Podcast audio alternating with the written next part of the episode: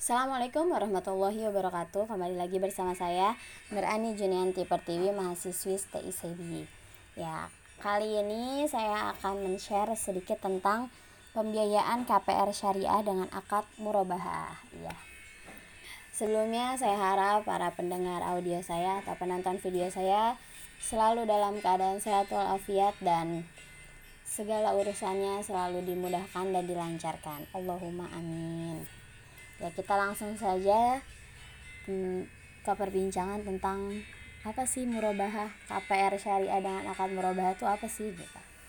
Ya di sini akad murabahah itu merupakan istilah di suatu bank syariah. Ya di mana jual beli antara bank dengan nasabah atau pembeli ya.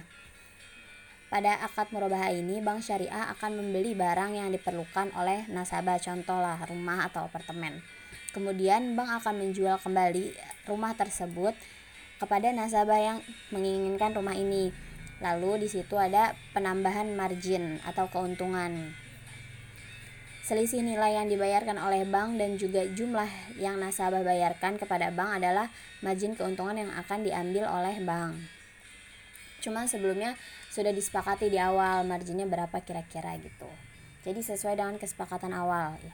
Misalnya gini, uh, si A ingin membeli rumah seharga 500 juta.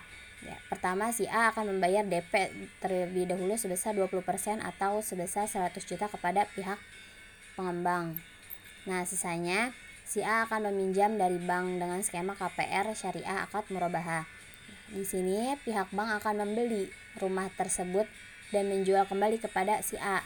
Tentunya akan ditambah dengan margin atau keuntungan yang sudah ditetapkan di awal bersama ya, kesepakatan bersama. Misalnya setelah negosiasi si A dan bank sepakat untuk menentukan margin sebesar 5% dengan jangka tenor 15 tahun, maka perhitungannya menjadi seperti ini.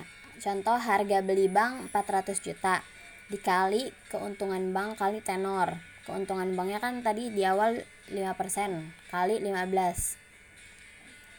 Kemudian ditambah harga beli bank sebesar 400 juta dibagi bulan tenornya 180 bulan. Jadi total yang akan dibayarkan oleh nasabah per bulan sekitar 3 juta 100 per bulannya. Nah, jadi bagi si A akan menggunakan KPR jika akan menggunakan KPR syariah skema murabaha untuk membeli rumah seharga 500 juta dengan DP sebesar 20% dan tenor 15 tahun, si A akan membayar 3,1 jutaan setiap bulannya. Ya. Di sini juga ada dalam tentang murabaha Fatwa DSN MUI nomor 04 garing DSN strip MUI garing 4 garing 2000 tentang murabaha. Di sini ada. Kemudian um, perlakuan dan ketentuan akuntansinya diatur pada PSAK 102 tentang akuntansi murabahah. Sudah jelas ya kalau murabahah itu diperbolehkan dan skemanya sudah tertera di Fatwa DSN MUI dan PSAK 102. Nah, di sini dalil dalam transaksinya akad murabahah ada dalam surat Al-Baqarah ayat 207 yang artinya dan Allah menghalalkan jual beli dan mengharamkan riba. Baik gambaran lebih jelasnya skema murabahah itu yang pertama bank dan nasabah negosiasi dan pemenuhan persyaratan tentunya.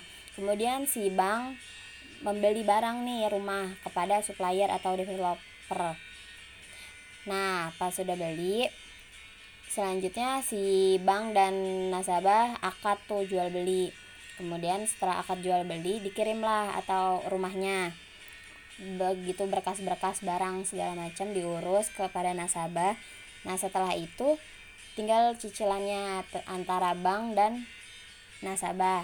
Cicilan dengan akad murabahah jual beli di awal ya. Saya harap eh, para pendengar audio dan penonton video saya memahami ya Terima kasih dari saya cukup sekian. Wassalamualaikum warahmatullahi wabarakatuh. Salam sehat.